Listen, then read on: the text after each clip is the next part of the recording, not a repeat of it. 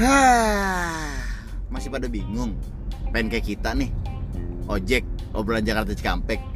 Sebuat-buat podcast tentang keresahan-keresahan umur umur-umur seperti gua dan teman-teman gue ini yang umur 20 tahun gitu kan. Melihat suatu fenomena tuh pasti nggak jauh dari kata hoax nggak jauh dari kata apa nih guys? Opini. Opini. Terus apa lagi nih? Fakta. Fakta. Terus dan semua ya yang meliputi pemikiran kita semua. Iyo.